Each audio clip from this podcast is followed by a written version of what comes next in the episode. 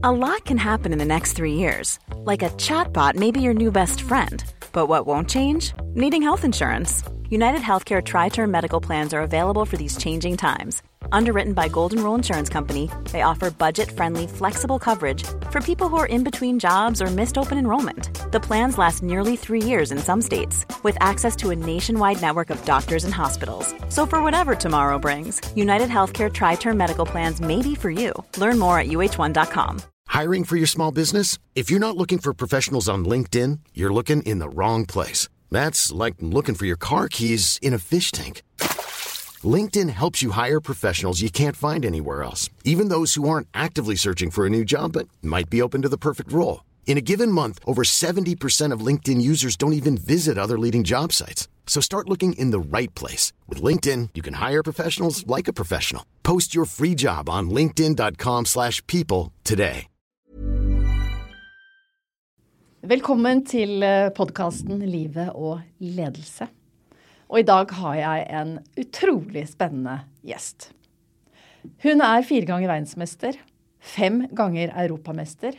Du ser henne i TV-ruta hver lørdag, og det har du gjort i 17 år. Jeg var veldig nervøs da hun skulle gi meg poenger. Selveste Skal vi danse-dommeren Trine Deli Kleve, velkommen. Tusen takk, Ellen. Det var jo en flott introduksjon. Ja, vi skal snakke om ledelse. Vi skal snakke om dans. Og vi skal snakke om livet. Ja. Og da begynner vi der hvor du står i jobblivet ditt nå, om ledelse. Og du er enhetsleder for kultur og frivillighet i Lillestrøm kommune. Det stemmer. Ja, det gjør jeg. Hva er liksom god ledelse for deg? God ledelse for meg, det handler mye om trygghet. Det handler om at man blir sett. Og det handler om at man er et lag. Jeg tenker sånne enmannsshow som ledere sjelden er bra. Så fra min egen erfaring så tenker jeg jo både som, egen, som leder selv, men også har hatt andre ledere, den inkluderende lederen som, ja, som, er synlig, og som er der på ditt lag. Mm. Du bruker ordet lag, og du har jo også i veldig mange, mange år brukt ja, mange, mange, mange timer av ditt liv for å løfte andre innen dansen. Mm. Fra de har vært små til opp til voksen alder, og til medaljer både nasjonalt og internasjonalt. Mm. Fortell litt om den delen av deg, den pedagogiske delen. Fordi det er jo egentlig veldig mye av det du er på TV òg. Du er liksom både litt streng, men også veldig mild. Jeg tror jo altså fra egen karriere, da, som var liksom begynnelsen av 80-tallet, eh, så var det liksom veldig sånn stor forskjell på trener og utøver. Eh, på mange måter. Og, og vi visste ikke så mye om dette med lagspill, følte jeg. Så ble liksom, vi ble litt sånn ensomme i, i, vår lille boble og vår lille verden, selv om vi selvfølgelig var jo en gjeng i miljøet som holdt sammen. Men den bevisstgjøringen av trenerkulturen eh, ned til utøver var nok ikke like god som den er i dag. Eh, så da jeg selv var ferdig med egen karriere og, og tok utdannelsen og, og ble eh, trener selv, eh, så hadde jeg nok dette litt i bakhodet om uh, at det er viktig at vi samles, at vi har godt miljø. Uh, at vi alle er på lag. Og, og, selv om vi driver en individuell idrett, så er det faktisk sammen vi blir gode. Så jeg tror jeg lærte meg ganske tidlig å spille på lag både med utøverne, som kunne være veldig små barn, eller unge barn, og opp gjennom ungdomsårene. Eh, og også alltid ha en veldig god dialog med foreldrene. For det er uh, Uten foreldre så er jo idretten ikke så mye. Det tror jeg ikke gjelder bare i dans, det tror jeg gjelder generelt. Så det å ha Eh, ja, et, et, et, innblikk i hvordan barna også har det til hverdag da, hjemme i familiene sine. Bli litt kjent med familiene. Det tror jeg har vært verdifullt for meg i hvert fall. Trine, dette er jo kulturbygging på høyt nivå, som jo også er ekstremt viktig i lederrollen, uansett hvilken bransje man er i. Mm. Og det ja, det har, jo, det har, jo, du gjort. Du gjør det jo på jobben mm. hver dag, men du har jo også gjort det i veldig, veldig mange år ved å bygge kultur i, i ja, LSK, da, der hvor du har vært trener. I danseklubben, danseklubben ja. Ja, mm. ja eh, vi var jo, altså vi var jo start, eh, Thomas, min mann, da, og jeg, vi startet jo LSK Dans eh, sammen med en foreldregjeng. Eh, og, og, det å lage den kulturen da med fellesskapet var jo, var jo veldig viktig. Eh, som eh, gjorde at vi jo ganske fort ble en av Norges største danseklubber når vi startet da i 2011. Så det har jeg nok tatt med meg. Uh, og også inn i min daglige jobb i, dag, da, i Lillestrøm kommune, hvor jeg jobber da med kultur og frivillighet. Uh, den frivilligheten som vi liksom nesten tar som en selvfølge i Norge, den merker vi jo kanskje ikke er så selvfølgelig lenger. Eh, hvis det er veldig store internasjonale arrangement, så er nok folk flinke til å, å stille opp. Men den hverdagsfrivilligheten, den eh, sitter nok litt lenger inne blant folk nå enn det, hva den kanskje gjorde tidligere. Og jeg jobber jo også mye med seniorer.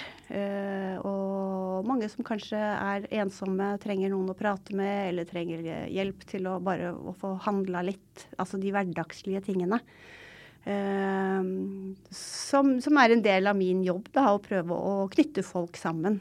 Uh, de som har den ekstra tiden til å gjøre noe for andre, og de som trenger det. Og så knytte det sammen, sånn at det blir vinn-vinn for alle. Mm.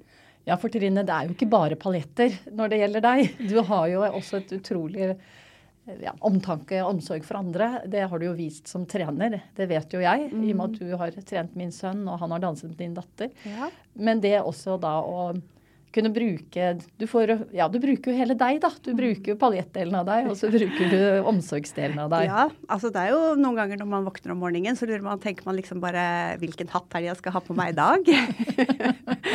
er det paljettene, eller er det Er vi, er vi litt mer nedpå og sånn? Eh, jeg er jo veldig heldig, føler jeg, som har fått et rikt liv, da. Med mange innfallsvinkler, egentlig, til uh, livet mitt. Uh, både ja, at man er en omsorgsperson, har man vel kanskje blitt fra, fra jeg var liten. Vi var eh, tre jenter. Jeg var eldst. Eh, og mellomste søsteren vår, hun eh, ble født litt annerledes enn eh, andre. Så hun var veldig sterkt eh, hjerneskadet. Og bodde jo hele sitt liv på Emma Hjort. Og det er jo klart at eh, det gjør jo noe med en familie når en ikke er A4 mm. og trenger litt andre ting og oppfølginger på andre områder. Så jeg tror nok kanskje at jeg har lært meg å ta det ansvaret, kanskje, først og fremst. Eh, av å se at vi er ikke like alle sammen, og alle har vi forskjellige behov. Eh, så det er vel noe jeg sikkert har tatt med meg ubevisst eller bevisst, det vet jeg ikke helt, men gjennom hele livet mitt. Mm. Og Trine, dette er noe du aldri har snakket om offentlig. Mm. Eh, din søster mm, Lene. Ja.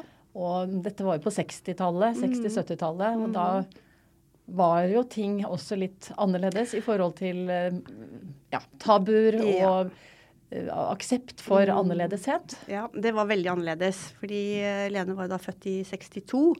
Uh, og den gangen så visste man jo ikke så mye om, ikke sant. Og mamma og pappa kjente kanskje på en sånn litt sånn skyldfølelse. Kom det fra en av de? Man visste ikke helt. Var det arvelig? Uh, hvorfor har dette skjedd oss? Kommer det fra din familie eller fra min? Altså det var så mye sånne ting. Og så i tillegg så er det jo noe med å innse at man har et barn som man ikke klarer å ta omsorg for selv. Eh, jeg skjønte jo ikke det så sterkt når jeg var Jeg var jo bare to år eldre enn Lene. Uh, hvor, hvor, kanskje tøft det var. Uh, men i ettertid så har jeg jo tenkt veldig mye på de valgene som mamma og pappa måtte ta, da. Og, og, det å be om hjelp. Og jeg vet at de var jo i Stortingets spørretime og pusha på for at Lene skulle få et best mulig liv. Og ja, også sånn min egen, for min egen del, da, etter hvert som jeg gjorde karriere, da sto det jo kanskje litt om meg i lokalavisen. Og så ble det jo litt sånn eh, I dag ville man kanskje kalt det mobbing. Jeg kaller det ikke det. Jeg kaller det litt sånn erting. For da ble det liksom sånn Ja, hvordan går det med hun gærne søstera di, da? Og det var jo veldig sårt. Eh, og jeg var jo livredd for at mamma og pappa skulle vi, få vite det. At noen sa det til meg. Så jeg liksom prøvde å dekke over det, da, og skåne de for, for det. Um, men, uh, men, jeg tenker altså Jeg kom sterkt ut av det. Og så kom jo den yngste søsteren min, da, som da er syv år yngre enn meg igjen. Hvor bare på de årene Hun var helt en annen type, og hun var liksom bare sånn at ja og så. Altså vi er ikke like, ikke sant. Så vi har jo litt sånn forskjellige uh, tanker rundt uh, akkurat det. Men jeg må jo si det at jeg ikke har snakket om det før, er vel uh, For det første så døde jo Lene da i 95, så det er jo veldig mange år siden. Og når jeg liksom hadde litt hva skal vi kalle det comeback i media i 2006 med Skal vi danse, så var det ikke Så lenge mamma og pappa levde, så var det liksom ikke naturlig for meg å, å, å snakke om det, fordi jeg vet at det for dem var i alle år veldig sårt og veldig vondt.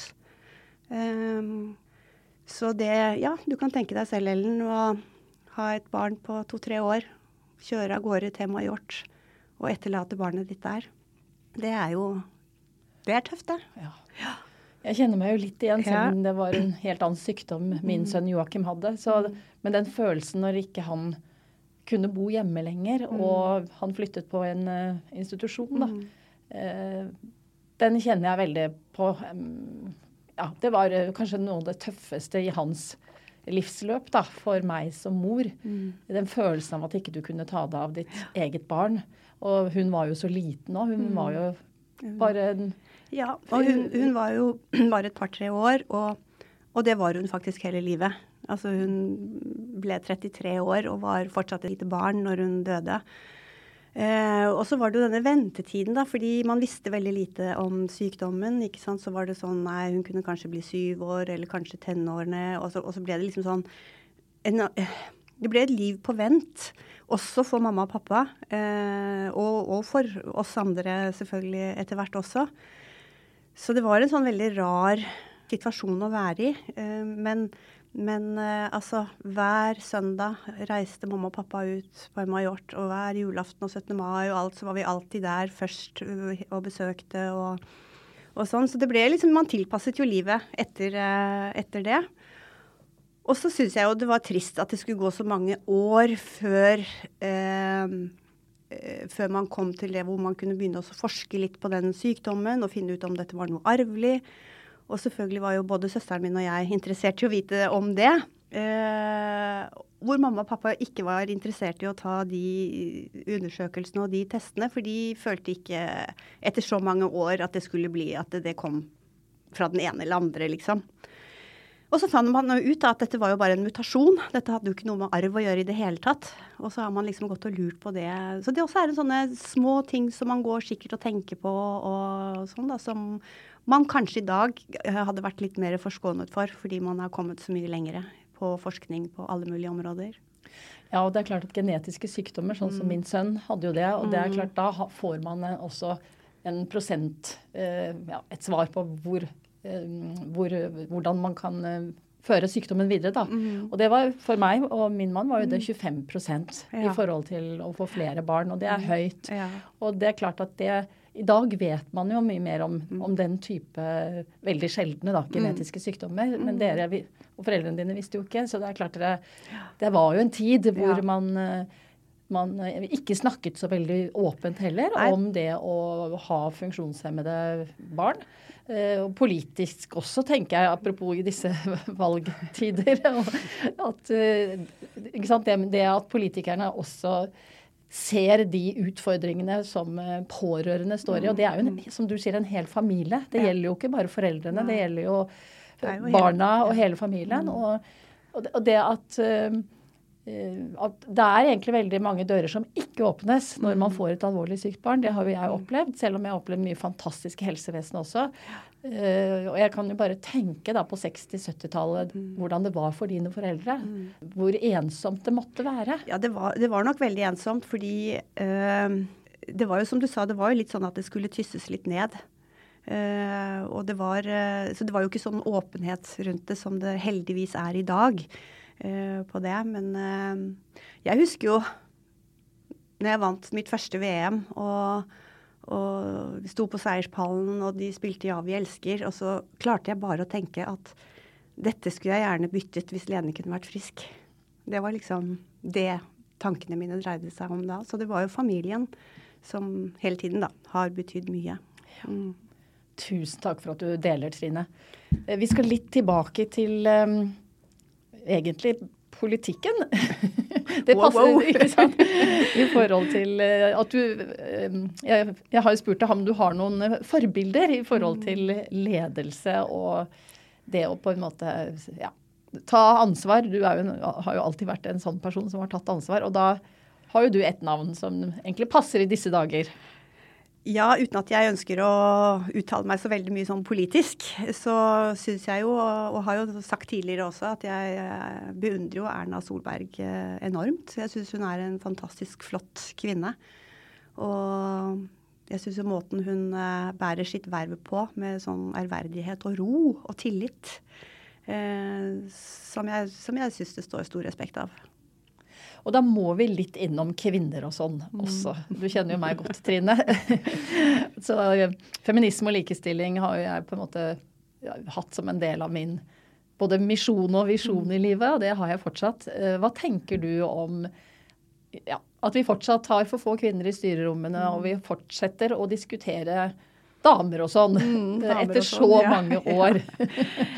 Ja, altså det virker jo på meg like utrolig eh, som at vi fortsatt har rasisme, liksom. For det er jo et sånt begrep man ikke tenker skal være mulig i 2023 kvinner i styrerommene og i jobb ellers i lederroller, altså det er jo Vi er vel like sterke og flotte, vi, som menn. Enda flottere, kanskje. Så, men jeg kan si, nå kommer jo jeg litt fra i, i, tilbake til dansen, da. Så har jeg jo, ble jo da for ja, et godt drøyt år siden eh, valgt som president i Norges Danseforbund. Uh, og jeg kommer jo da fra et forbund hvor det er mange kvinnelige ledere i de ulike uh, seksjonene. Men som president så har det bare vært én forgjenger, uh, og det var vel helt på slutten av 90-tallet, tror jeg, hvor Cecilie Rygel var en kort periode inne. Ellers så har jo det også vært dominert av menn. så og, og jeg tenker jo, er det fordi vi ikke tør? Er det fordi vi føler for mye ansvar for barn og familie? Uh, tar det for mye tid? Altså det er så mange sånne type ting. Og når jeg sier at jeg er valgt som president, så er jo det et verv. Altså det er jo et frivillig verv, det er ikke en betalt stilling. Så jeg, jeg vet ikke. For jeg, det undrer meg jo ofte hvorfor, uh, hvorfor det fortsatt er mannsdominert på mange, mange områder. Uh, og jeg, jeg, får meg ikke til å forstå hvorfor. Men jeg må jo tenke, liksom, er det, er, det, er det, oss selv, liksom? Er vi bare noen er vi noen da, som tar denne kampen? Og, og, jeg er helt sikker på at vi har mange med oss på laget som mener og tenker akkurat det samme som oss, Helen. Mm. Og så blir det litt sånn når vi akkurat står over og kanskje får muligheten, så er det kanskje mange som som tenker at eh, nei, det tar for mye tid, eller jeg må prioritere barn og familie. Kanskje tenker vi sånn ørlite grann mer enn menn. Jeg vet ikke helt.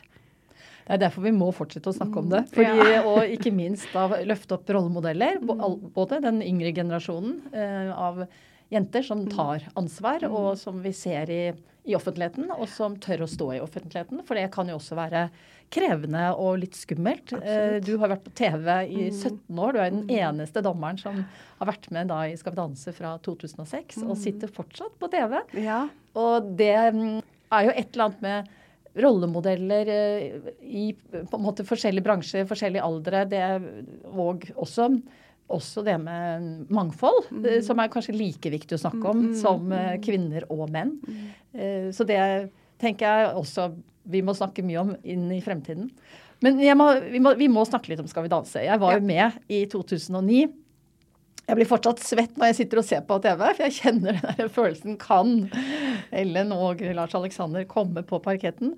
Det er jo direktesending, det er det ikke så mange som tenker på. Nei. Så alt kan skje. Ja, ja. Bare den følelsen av å glemme dansen midtveis. Og jeg har, har vært der, jeg har kjent på det. Og den uh, følelsen når dere skal gi liksom dommen. Mm. Og så får dere innimellom litt sånn ja, å, de buer litt i salen og blir beskyldt for å, at det var ja, dårlig, dårlig karakterer, da. Mm. Hva, hva, tenker du når det skjer deg? At du må kanskje løfte opp en toer, da? Bare for å ja, jeg, altså jeg tenker si jo um, det, det, betyr jo bare at det er kjempeengasjement. At folk bryr seg så mye. Om det er en sekser eller syver eller en femmer, det, det syns jeg er veldig fascinerende. Og jeg syns det er så gøy at folk bryr seg så mye om det. Og, og, jeg tenker jeg må jo stå i min profesjonalitet. Men sånn etter at vi nå er på H3 Arena, det er 1000 mennesker i salen Det er klart at det, det har jo hendt at jeg tenker at OK, nå må jeg bare stålsette meg, for nå får jeg 1000 stykker som piper idet jeg tar opp uh, den karakteren. Men dette må jeg bare stå i. sånn er det. Dette er min jobb på lørdagskvelden å, å gjøre det. Og øh, jeg tenker jo øh, Jeg kan ikke gå på akkord med min utdannelse og, og min kunnskap om dans for å please øh, de som har sine favoritter. Det er jo det som er så fascinerende og gøy. De kan stemme på sine favoritter. Og så må vi i dommerpanelet få lov å uttrykke vår mening på hva vi syns. Men jeg skjønner jo at dere, eller deltakerne, da, syns at det er veldig skummelt. Og man har trent og trent en hel uke og føler selv at dette gikk kjempefint. Og så får du kanskje en litt negativ tilbakemelding. Jeg skjønner jo at det er et lite trøkk i magen, altså. Jeg skjønner det. Men nå har vi holdt på da, nå er vi i sesong 19, og det burde jo ikke være fremmed for noen nå hva konseptet går ut på. Så jeg tenker at Men jeg skjønner jo der og da at noen blir lei seg, kanskje også, ja. Men det jeg syns eh, du er veldig flink til, Trine, jeg har jo fulgt deg, og jeg har fulgt programmet i alle disse årene, det er at selv om du må gå inn i den profesjonelle rollen og gi veldig sånn tydelige tilbakemeldinger om at det var litt kluss i maskineriet, eller det var mm. litt utakt og mm. eh, kanskje ikke bra nok flyt, så greier du på en helt fantastisk måte å gi det derre lille løftet til alle uansett. Altså, hvis du gjør sånn og sånn, så blir det så mye bedre neste gang. Og jeg tenker at det er ledelse på et høyt nivå. Ja.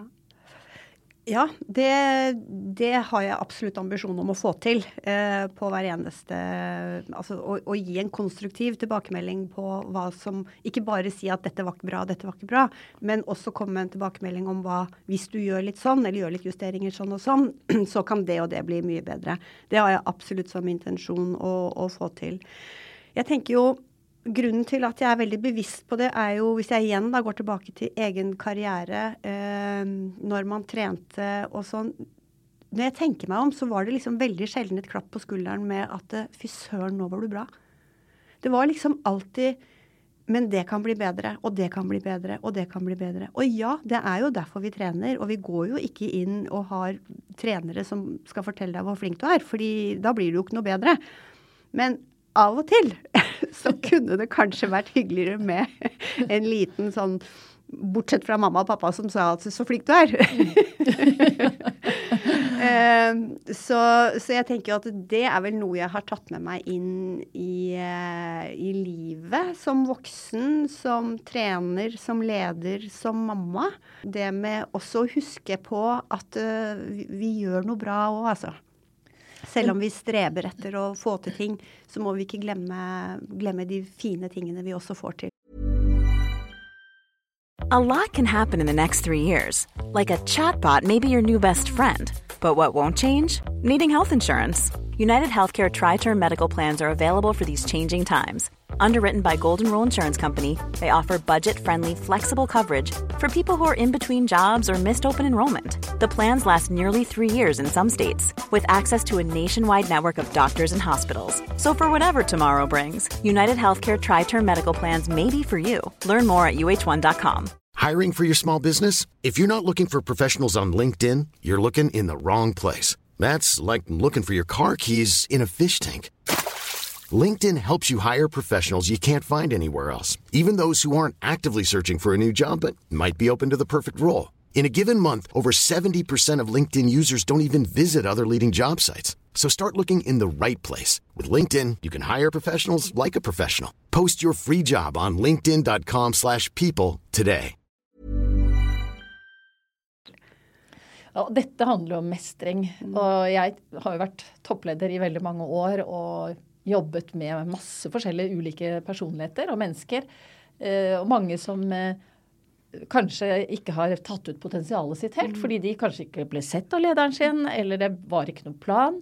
Eh, så jeg også har vært veldig bevisst på det å gi eh, medarbeidere det liksom lille ekstra løftet. Fordi mm. jeg har sett hvor utrolig mye det bor i folk. Mm. Hva, hva, folk kan få til. Og det mm. ser vi jo Skal vi danse òg. Fra liksom program én og til finalen. Og hvem som egentlig står i finalen til slutt, er jo ikke godt å si. Det har jo vært mange overraskelser.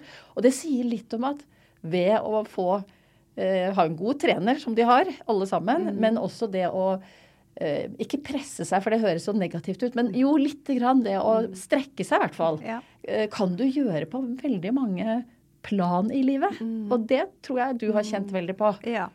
Altså, jeg, jeg pleier ofte å si eh, når du kjenner på at du ikke orker mer Alt du orker å gjøre etter det, det er det som gjør deg bedre. Og det tror jeg gjelder både om det er i idretten eller i næringslivet eller som leder eller altså i, i, i, ja, i livet generelt, da. Når du liksom tenker at uh, Nei, nå, nå, tror jeg ikke jeg orker mer, liksom. Ja, da er det vel det lille ekstra du orker å gjøre etter det, som gjør at du klarer å heve deg selv, komme litt lenger. Oi, jeg klarte det, gitt. Selv om jeg var sliten, liksom. Så mm, jeg tror nok det, i hvert fall for min del, har vært en, en god motivasjon. Og så å bruke kanskje et litt utslitt uttrykk med å gå trappa og ikke ta heisen. Det er vel eh, også mye av nøkkelen til å kunne eh, klare å prestere litt ekstra. Mm. Jeg tenker på dere dommerne. Nå har dere vært masse forskjellige dommere opp gjennom årene, mm. men, men, du har sittet der ja. jevnt og trutt på den samme, samme plassen. Um, den, den uh, kjemien mellom dere dommerne det, er jo et underholdningsprogram. Ja. Og så skal dere på en måte gi faglige, saklige tilbakemeldinger, men mm. så skal det jo være Eh, latter og eh, litt gode kommentarer. Ja, ja. Eh, samarbeider dere før dere går på sending, eller skjer det litt sånn underveis i Nei, sendingen? Altså Det som eh, er som du sier, det med kjemien, det er jo veldig viktig. Eh, og vi merker jo hver gang det kom, hver gang det har vært Du sier jo selv det har vært ulike dommere opp gjennom årene. Så tar det alltid Det tar litt tid før vi setter oss. Det tar noen program. Eh, det kan kanskje ta noen sesong eh, før vi på en måte får satt oss eh, ordentlig til å kjenne hverandre. Og det handler jo på å kjenne hverandre på hvor langt kan man gå for å spille på hverandre gode i forhold til tilbakemeldingene. Det er jo veldig kjedelig hvis alle sitter og sier det samme. Uh, og, og, og, hvis du da vet at OK, du er god på det, hvis du spiller på det, og så kan du spille på det noe annet, og så kan jeg komme med mine, mine ting. Og når vi blir så trygge at vi på direkten kan si liksom, men i all verden så vi det samme nå, liksom. Altså, så mener vi, Da er det jo en god tone, og det tåler vi av hverandre. Og da er vi jo veldig bevisst på også at vi lager jo Vi er for å lage underholdning og god TV. Uh, men det er klart, du gjør ikke det på første program uten å kjenne hverandre. Så, og i, i forkant så Vi ser jo veldig lite. Vi ser jo ikke danserne hele uka. Vi ser det jo først når vi kommer på, på sending. Eh, vi får en liten sniktitt på skjerm i forhold til generalprøve, men vi ser det jo ikke live før seerne ser det live. Så det blir jo der og da som vi må forholde oss til. Så jeg må jo innrømme mange ganger når musikken har stoppa, tenker jeg bare oi, om tre sekunder skal jeg si noe nå? Hvor, hva skal jeg si? Hvor begynner jeg? Men eh, det kommer som regel et eller annet, da. ja. Nei, du er en uh viktig dommer for Skal vi danse. Er, tusen takk for det, Ellen. Også fordi ja. du har historikken gjennom ja. så mange år, så tror jeg du eh, ja. ja. Det er jo også selvfølgelig en ting eh, som gjelder eh, ja, både i idrett, leder og i den rollen jeg har i Skal vi danse, og som jeg ofte sier også til mine elever, er jeg kan undervise dere så mye. Jeg kan fortelle dere akkurat hva dere skal gjøre. Jeg kan fortelle dere hvor dere bør gå, om dere er til høyre eller venstre, eller i forhold til videre utvikling. Men jeg kan ikke undervise dere erfaring. Den må dere gjøre selv. Og så kan vi komme om noen år, og så kan jeg si hva var det jeg sa. ikke sant? Men den, det, erfaring, det, det, kan ikke læres bort. I, I hvert fall sånn som jeg opplever det. Men det du har stått i da, med alle de du har eh, løfta frem på dansegulvet, så er det jo utrolig mye gleder Altså masse de vant, og, og, Men så er det utrolig mye tårer òg. Det er jo mye trøst som må gis. Ja. Hvordan hvor, Hvem er Trine da, når du både skal liksom klappe på skulderen det paret som vant, og så er det de som eh, av en eller annen grunn gjorde det dårlig og er liksom helt nede. Hva, hva, hva Jeg- gjør du da? Jeg er nok den treneren som går til de som er langt nede først. For eh, de som vant, har alltid masse folk rundt seg. Da er det masse tjo og så flinke dere var og gratulerer, og det er bare glede. Eh, Så jeg er nok den som går til de som det ikke gikk så bra til først, for der er det ingen. Og det er kanskje den tyngste jobben, men eh, det er nok meg. Og dette er jo også ledelse, tenker jeg. Fordi de som eh, rekker opp hånda hele tiden og alltid på en måte er frampå skia, som jeg pleier å si, Ja. de er det jo ofte litt lett å, å, å gi masse tilbakemeldinger til. Ja, ja, ja. Og liksom være på en måte Heie på de som eh, syns mye, da. Men så er det jo kanskje de som er stille. Eh, Jeg har lært, lærte meg, altså apropos erfaring, etter å ha vært leder i mange år, så lærte jeg jo at jeg må se de tause, de som ikke snakker så høyt. De som eh, ikke gjemmer seg bort, men som ikke står helt eh, på barrikaden. Og ofte har jo de så kloke svar når du spør eh, når, når man husker å spørre hva er det Ja. du mener Ja. vi skal forbedre. Hva er det du tenkte da det og det skjedde? Og det, Det- er vel egentlig sånn Ja. du Det er din filosofi, og jeg har jo Ja. sett deg som ja, trener. Nei, ja, det er nok eh, absolutt eh, veldig, veldig viktig. Og, og det er jo klart at det hadde jo blitt et kaossamfunn hvis alle var eh, forover i skoa hele tiden. Så det er jo kjempeviktig at vi, vi som ledere da, uh, ser de som kanskje ikke er de som er mest frampå. For de kan ha så mange verdifulle tanker som av ulike årsaker de kanskje ikke tør å ta i plenum, eller som, som man må spørre eller ikke ha selvtilliten nok til å si at eh, men, men jeg mener ikke det samme som deg. Det er jo ikke alle som tør å si det i plenum. Eh, og, og da også finne de og si ja, men hvorfor ikke? Og så kan det komme så kjempefine svar. Og da er jo det en måte å bygge selvtillit for det mennesket også, da. Opp at eh, ja, men dette må du bare, dette må du bare tørre å si. Som at man passer på at man ikke hogger hodet av noen. Det tror jeg er kjempeviktig. Ordet selvtillit er jo også veldig viktig. Mestring og selvtillit. Og jeg tenker at alle de som er med i Skal vi danse nå denne sesongen også, kommer jo ut av den bobla med litt mer selvtillit. Og, og har gjort noe du kanskje aldri hadde trodd at du skulle tørre å gjøre. Og du har, du har på en måte kommet liksom ett skritt videre i livet etter at du har vært med i Skal vi danse. Jeg har jo vært med selv og vet jo liksom at du får en stolthet selv om ikke du vinner. Ja. At du, du, du greide det. Du, du var på den direktesendingen x antall ganger. Mm. Ja, men så ble man stemt ut. Det er tøft nok, det, altså. Ja, ja. Det Jeg har har også vært der. Men, eh, men jeg lærte så innmari mye når jeg ser tilbake, da. Ja. Altså jeg, jeg føler jo gjennom uh, alle disse sesongene uh, så hører vi jo fortsatt at folk er overrasket over hvor mye tid det tar, hvor mye trening som kreves. Og, og de sier at det, ja, jeg vet jo folk har sagt som har vært med før, at det krever mye og det tar mye tid og vi må trene mye, men at det var så mye, det blir folk stadig vekk overrasket over. Men så i ettertid så føler jeg jo liksom at de aller, aller fleste sier at det er noe av det morsomste de har vært med på. Altså at de, Når de ser tilbake, at det har vært en så gøy opplevelse å, å være med på. Og da tror jeg nok det er også litt fordi at det er mange i, i samme, samme bås, eller i, samme, som skal lære seg noe. Så det blir nok et sånt veldig samhold. Selv om det er en konkurranse, så tror jeg det er et veldig samhold mellom de som er med i, i den sesongen de er med i, da. Og, og ender opp med å når alt er kommet litt på avstand, også skuffelsen av å bli stemt ut, eh, eh, sitter igjen med gode minner. At det, det, det var faktisk veldig gøy. Og det er det jeg tenker også kan overføres til arbeidslivet. Det som skjer i Skal vi danse, både det at du får en dansepartner som du ikke kjenner, som du skal forholde deg til time etter time etter time, og kanskje i veldig mange uker. Ja. Eh, Det er mestring og læring. Eh, Det kunne jo vært en kollega, som ny kollega, en du ikke kjente. Hvordan bli kjent, hvordan på en måte respektere hverandre, finne et samarbeid, da. Ja. Og så i tillegg hele dansebobla, gjengen, som da er så forskjellige, eh, som blir som heier på hverandre, og tårene renner når en, en annen blir stemt ut, og så fikk du gå videre selv. Ja. Jeg tenker det er noe veldig sånn lærerikt i det som skjer i Skal vi danse, som kan overføres til ledelse. Mm, uh, og få laget til å stå sammen, heie på hverandre. Eh, og det skjer jo ikke på alle arbeidsplasser, og det er krevende å få til. Men jeg tror man kan lære. Jeg tror Ja. alle ledere kan lære av Skal vi danse. Ja, ja det, det som jeg kjenner på i, i Skal vi danse, da, er jo at vi dommerne er jo på en måte litt sånn oss og dem. Og det er jo et uttrykk som jeg ikke er noe glad i i det hele tatt. Um, og det er på mange måter ah, Jeg skulle ønske at vi fikk bli litt mer kjent med dem. På én måte.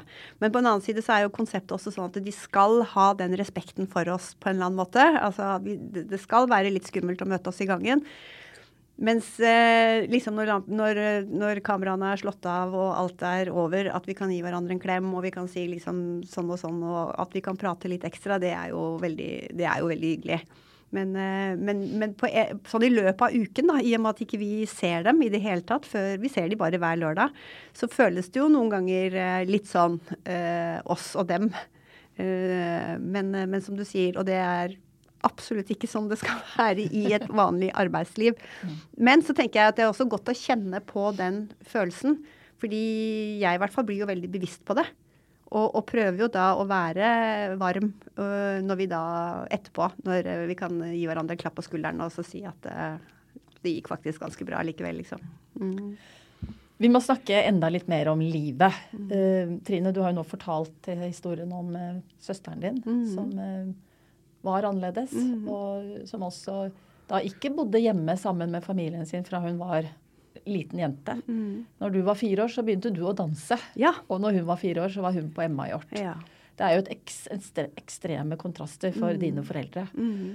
Og da må vi snakke litt om eh, din skjønne danske mamma. Ja. Og din skjønne pappa også. Jeg møtte jo begge to i flere år på, danse, på sidelinjen på dansegulvet. Mm. Ja.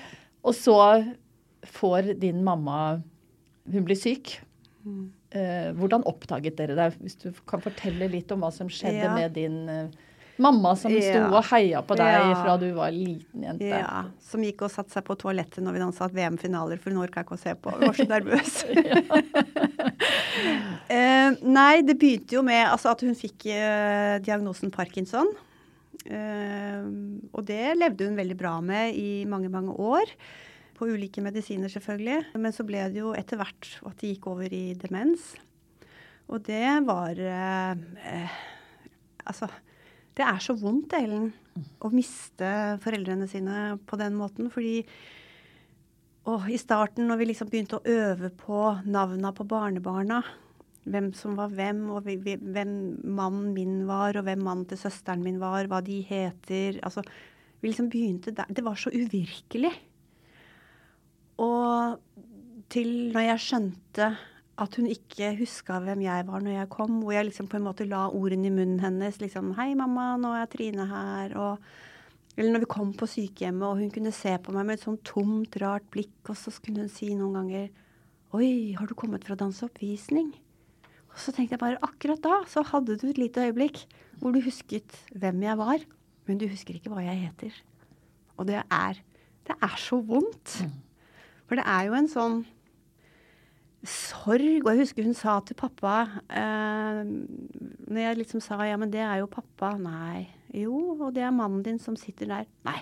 Han gamle gubben der. Nei, han var ikke hun gift med. Nei. Det var i hvert fall ikke mannen hennes. Ikke sant, Hvordan hun da var tilbake og husket jo bare pappa som en ung, kjekk mann. Og ikke en på 82 som var blitt litt endret. så, det, så ja, så den derre sorgen med å miste noen før du fysisk mister de, den, har vært, den var veldig, veldig vond, altså. Jeg tror det er veldig mange som eh, vil kjenne seg igjen nå i denne historien. Og det er så fint at du deler den også. Fordi eh, dette her er eh, Ja, det er på en måte noe Hun var jo så, hun var jo så sprek, og hun var så til stede, Ja. sånn som jeg husker Ja. henne. Og den plutselige Ja, det går, gikk jo gradvis dette her også, som du forteller, men likevel at eh, hun var borte så lenge før hun egentlig var borte. Ja. Den, det er jo en slags ventesorg Ja. du sto i der òg, sånn Absolutt. som de gjorde, og du gjorde med, med Lene, din, eh, Mm. din søster. Og jeg har jo gjort det med min, min sønn. Den, den ventesorgen, at det gradvis så blir et friskt menneske helt annerledes. Men det at du deler, er utrolig fint, da. Fordi Og så mistet jo du pappaen din bare fire og en halv måned etterpå. Og de Ja. hadde jo levd sammen i 65 år. Så Ja. det var jo en dobbel sorg plutselig. Altså det var jo, hva skal jeg si, eh, pappa ble også dårlig, men han ble jo ikke dement. Så han, pappa ble bare litt mett av livet, egentlig. Eh, og mm, til sist, de klarte jo ikke å, å, å bo i en egen leilighet. Og så var vi så heldige, det må jeg jo si, i Lillestrøm kommune å få de inn på samme sykehjem. Så de fikk eh, rom ved siden av hverandre, og da lagde vi soverom på det ene og stue på det andre. Så det var jo helt utrolig nydelig avslutning som de fikk. Fordi skrekken var jo, som jeg sa til søsteren min eh, Charlotte, altså etter 65 år, og så er det kanskje vi som må skille de med at de må på hvert sitt sykehjem. Det, det var liksom ikke til å holde ut, den tanken. Men heldigvis så klarte vi å få til eh, at de fikk plass på samme sted, på Blaker eh, sykehjem. Og de hadde et veldig, veldig fint år der eh, sammen. Men mamma ble jo dårligere og dårligere, og, og jeg tror pappa passet på mamma det siste året. Og jeg tror han var så sliten. Og når, eh, når hun døde, så tror jeg han også tenkte at da, da var han klar til å gå etter, rett og slett. Så da følte han Han følte han hadde hatt et rikt liv. Han følte han hadde opplevd veldig mye. Eh, hadde flotte barn, barnebarn, svigerbarn. Eh, og nå var hans kjærlighet borte. Så jeg tror han bare slapp litt taket, og bare rett og slett eh, ikke orka mer. Mhm. Så fire og en halv måned etter så var det jo Ja. Så gikk han òg. Mm. Det er jo historier vi har hørt før, Mm, faktisk. ja. Den, når når man har vært så knyttet sammen gjennom et langt liv, så er det ikke noe mer å leve for. Nei. Det blir litt sånn, og man, altså, så kan du jo si, men han hadde jo barn og barnebarn. Men jeg tror han bare så at vi hadde det så fint. Eh, søsteren min og mannen og barna har det fint. Eh, Thomas og Celine og jeg har det fint. Altså han, han, han var Ja. Jeg, jeg tror det var liksom Han hadde ikke noe mer bekymringer eh, å holde tak i. Han hadde fulgt mamma til døden, og nå var han bare klar til å gå etter sammen med henne. Ja, det er en nydelig historie, selv om det var jo tøft for dere rundt at det Ja. skjedde så tett. Men likevel, som du sier, du har jo på mange måter forsont deg litt med at det, det var sånn så, Han ville ikke mer. Nei, han ville ikke mer. Og, og um, nå har det gått snart et år uh, siden pappa døde også. Så, men vi har jo liksom ikke runda året enda på, på begge to. Men uh, jeg har jo forsont meg med det og, og klarer i dag å bare tenke på at de, de Selvfølgelig gjennom 65 år så er det oppturer og nedturer, og, og de har jo, som vi var inne på tidligere med Lene som var syk, og det har liksom vært mye. Eh, men allikevel så holdt de sammen i en slags eh, et sånt godt bånd. Eh, og alle de fine minnene som vi skapte sammen, det er jo de vi lever videre på nå. Mm. Vi skal også bare snakke litt grann om eh, en eh, veldig vanskelig sykdom som du også har hatt inne på, inne på, inne på livet. Det er ALS. Mm. Uh, og da fra Dette var jo en, en mann som var sprek, Mm. uh, og som uh, da også blir svekket, gradvis blir svekket. Og si bare litt om, om, om det, Ja. det, hva det gjorde med deg. Ja, eh, Bjørn var jo da gift med min svigermor. Eh, eh, og han var en sånn sprek fyr, elsket å sykle. Var en syklist i mange, mange år. Og så var det så veldig rart, fordi sånn gradvis Han var en sånn stolt fyr, hadde sånn flott holdning og var alltid sånn høyreist og fin. Uh, og så begynte vi liksom å fleipe litt med han og si nei, men nå må du rette deg opp da, Bjørn. liksom. Så han begynte å synke litt sammen og litt sånne ting. Og da etter hvert da, så ble det jo uh, på, Hva heter det uh, Oppdaget da at det var ALS. Og det å se eh, en, eh, en mann i 50-årene eh, gradvis bare svinne hen Eh, var helt eh, vondt å, å, se på. Men samtidig så hadde han en sånn sterk vilje til å leve. Eh, og, og, med, og, med, den diagnosen, og du visste at det er bare én vei, og allikevel være så positiv og sterk som det han var. Altså, han ønsket å leve livet, selv om han lå der og måtte skrive med irisen på øyet på en sånn datamaskin og ikke ha språk og så, så noen finner altså allikevel vilje eh, til å leve livet i en sånn situasjon. Eh, så han holdt vel ut i en syv-åtte år med sykdommen. Men han eh, døde da også to dager før en premiere på Skal vi danse i 2015. Ja, ja du har eh, opplevd mye i livet ditt, eh, Trine. Og mm. så tenkte jeg jeg skulle avrunde litt med noe som også sier veldig mye om deg. Det er at du har eh, deltatt på TV-aksjonen i veldig mange år. Mm. Og ledet uh, næringslivsdelen i um, kommunen din. Mm. Uh, jeg har også gjort litt det. For ja, jeg syns ja. det har vært så mange ja. viktige saker i fjor. Mm. Det har jo vært både Plan, Barn, ikke brud, mm. Leger uten grenser var det i fjor, og i år er det jo Redd Barna. Mm. Så jeg regner med at du skal være Vi er vel der på Jeg er i Oslo, du er Ja, jeg er det. Vi har, vi har, jeg har ansvaret for næringslivsdugnaden i Lillestrøm kommune, det er helt riktig og har hatt det noen år nå. Og eh, vi, eh, vi gjør det ganske bra, altså, så vi er ganske stolt av eh, det. Så Ja, for det, det er, jo en, også en veldig Den kontrasten du har i deg, da. Ja. Fra palettene paljettene på TV, ja.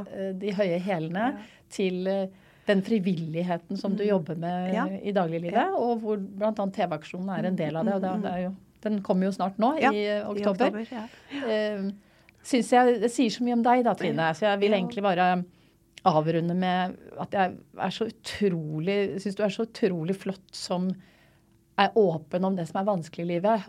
Og så samtidig sitter du og smiler på TV ja, på lørdagene ja. og gir liksom hele folket en gøy opplevelse. Men Ellen, du vet, at, du vet jo også det at uh, livet mitt er ikke bare som du sier paljetter og høye hæler. Og ja, jeg har vært igjennom mye. men jeg har jo også et utrolig godt liv i dag. Jeg har en fantastisk mann, og jeg har en helt nydelig datter som jeg er så heldig å være beriket med. Eh, så det gjør jo at min hverdag er eh, Jeg føler meg veldig privilegert og har det egentlig Jeg har det veldig, veldig godt i, i hverdagen min. Så jeg har fått eh, begge deler her i livet. Da gleder vi oss til å se på Skal vi danse. Mange lørdager fremover. Og du vet jo egentlig like lite som oss som er seere. Ja. Hvem er det som havner i finalen? Nei, det... Og hvordan, hvem blir stemt ut, er det heller ingen som vet det nå de nærmeste lørdagene. Men uh, vi fortsetter å heie på deg som en bra dommer tusen i Skal vi danse. Og tusen takk for at du kom til ja. podkasten Livet og ledelse. Og tusen takk for at du ville ha meg, Ellen. Tusen takk.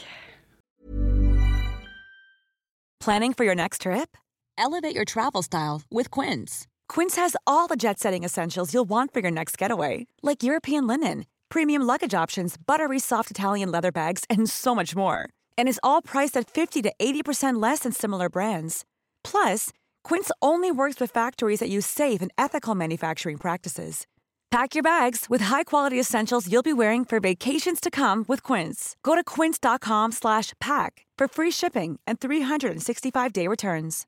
Imagine the softest sheets you've ever felt. Now imagine them getting even softer over time. That's what you'll feel with Bowl and Branch's organic cotton sheets. In a recent customer survey, 96% replied that Bowl and Branch sheets get softer with every wash. Start getting your best night's sleep in these sheets that get softer and softer for years to come. Try their sheets with a 30-night guarantee. Plus, get 15% off your first order at bowlandbranch.com. Code BUTTERY. Exclusions apply. See site for details.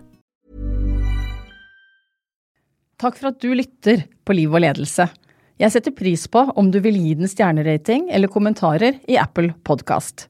Har du innspill til gjester du ønsker jeg skal invitere, så hører jeg gjerne fra deg. Sjekk ut Instagram-kontoen Liv og ledelse, og følg oss gjerne der. Du kan trykke følg eller abonnere på denne podkasten i den podkastspilleren du bruker.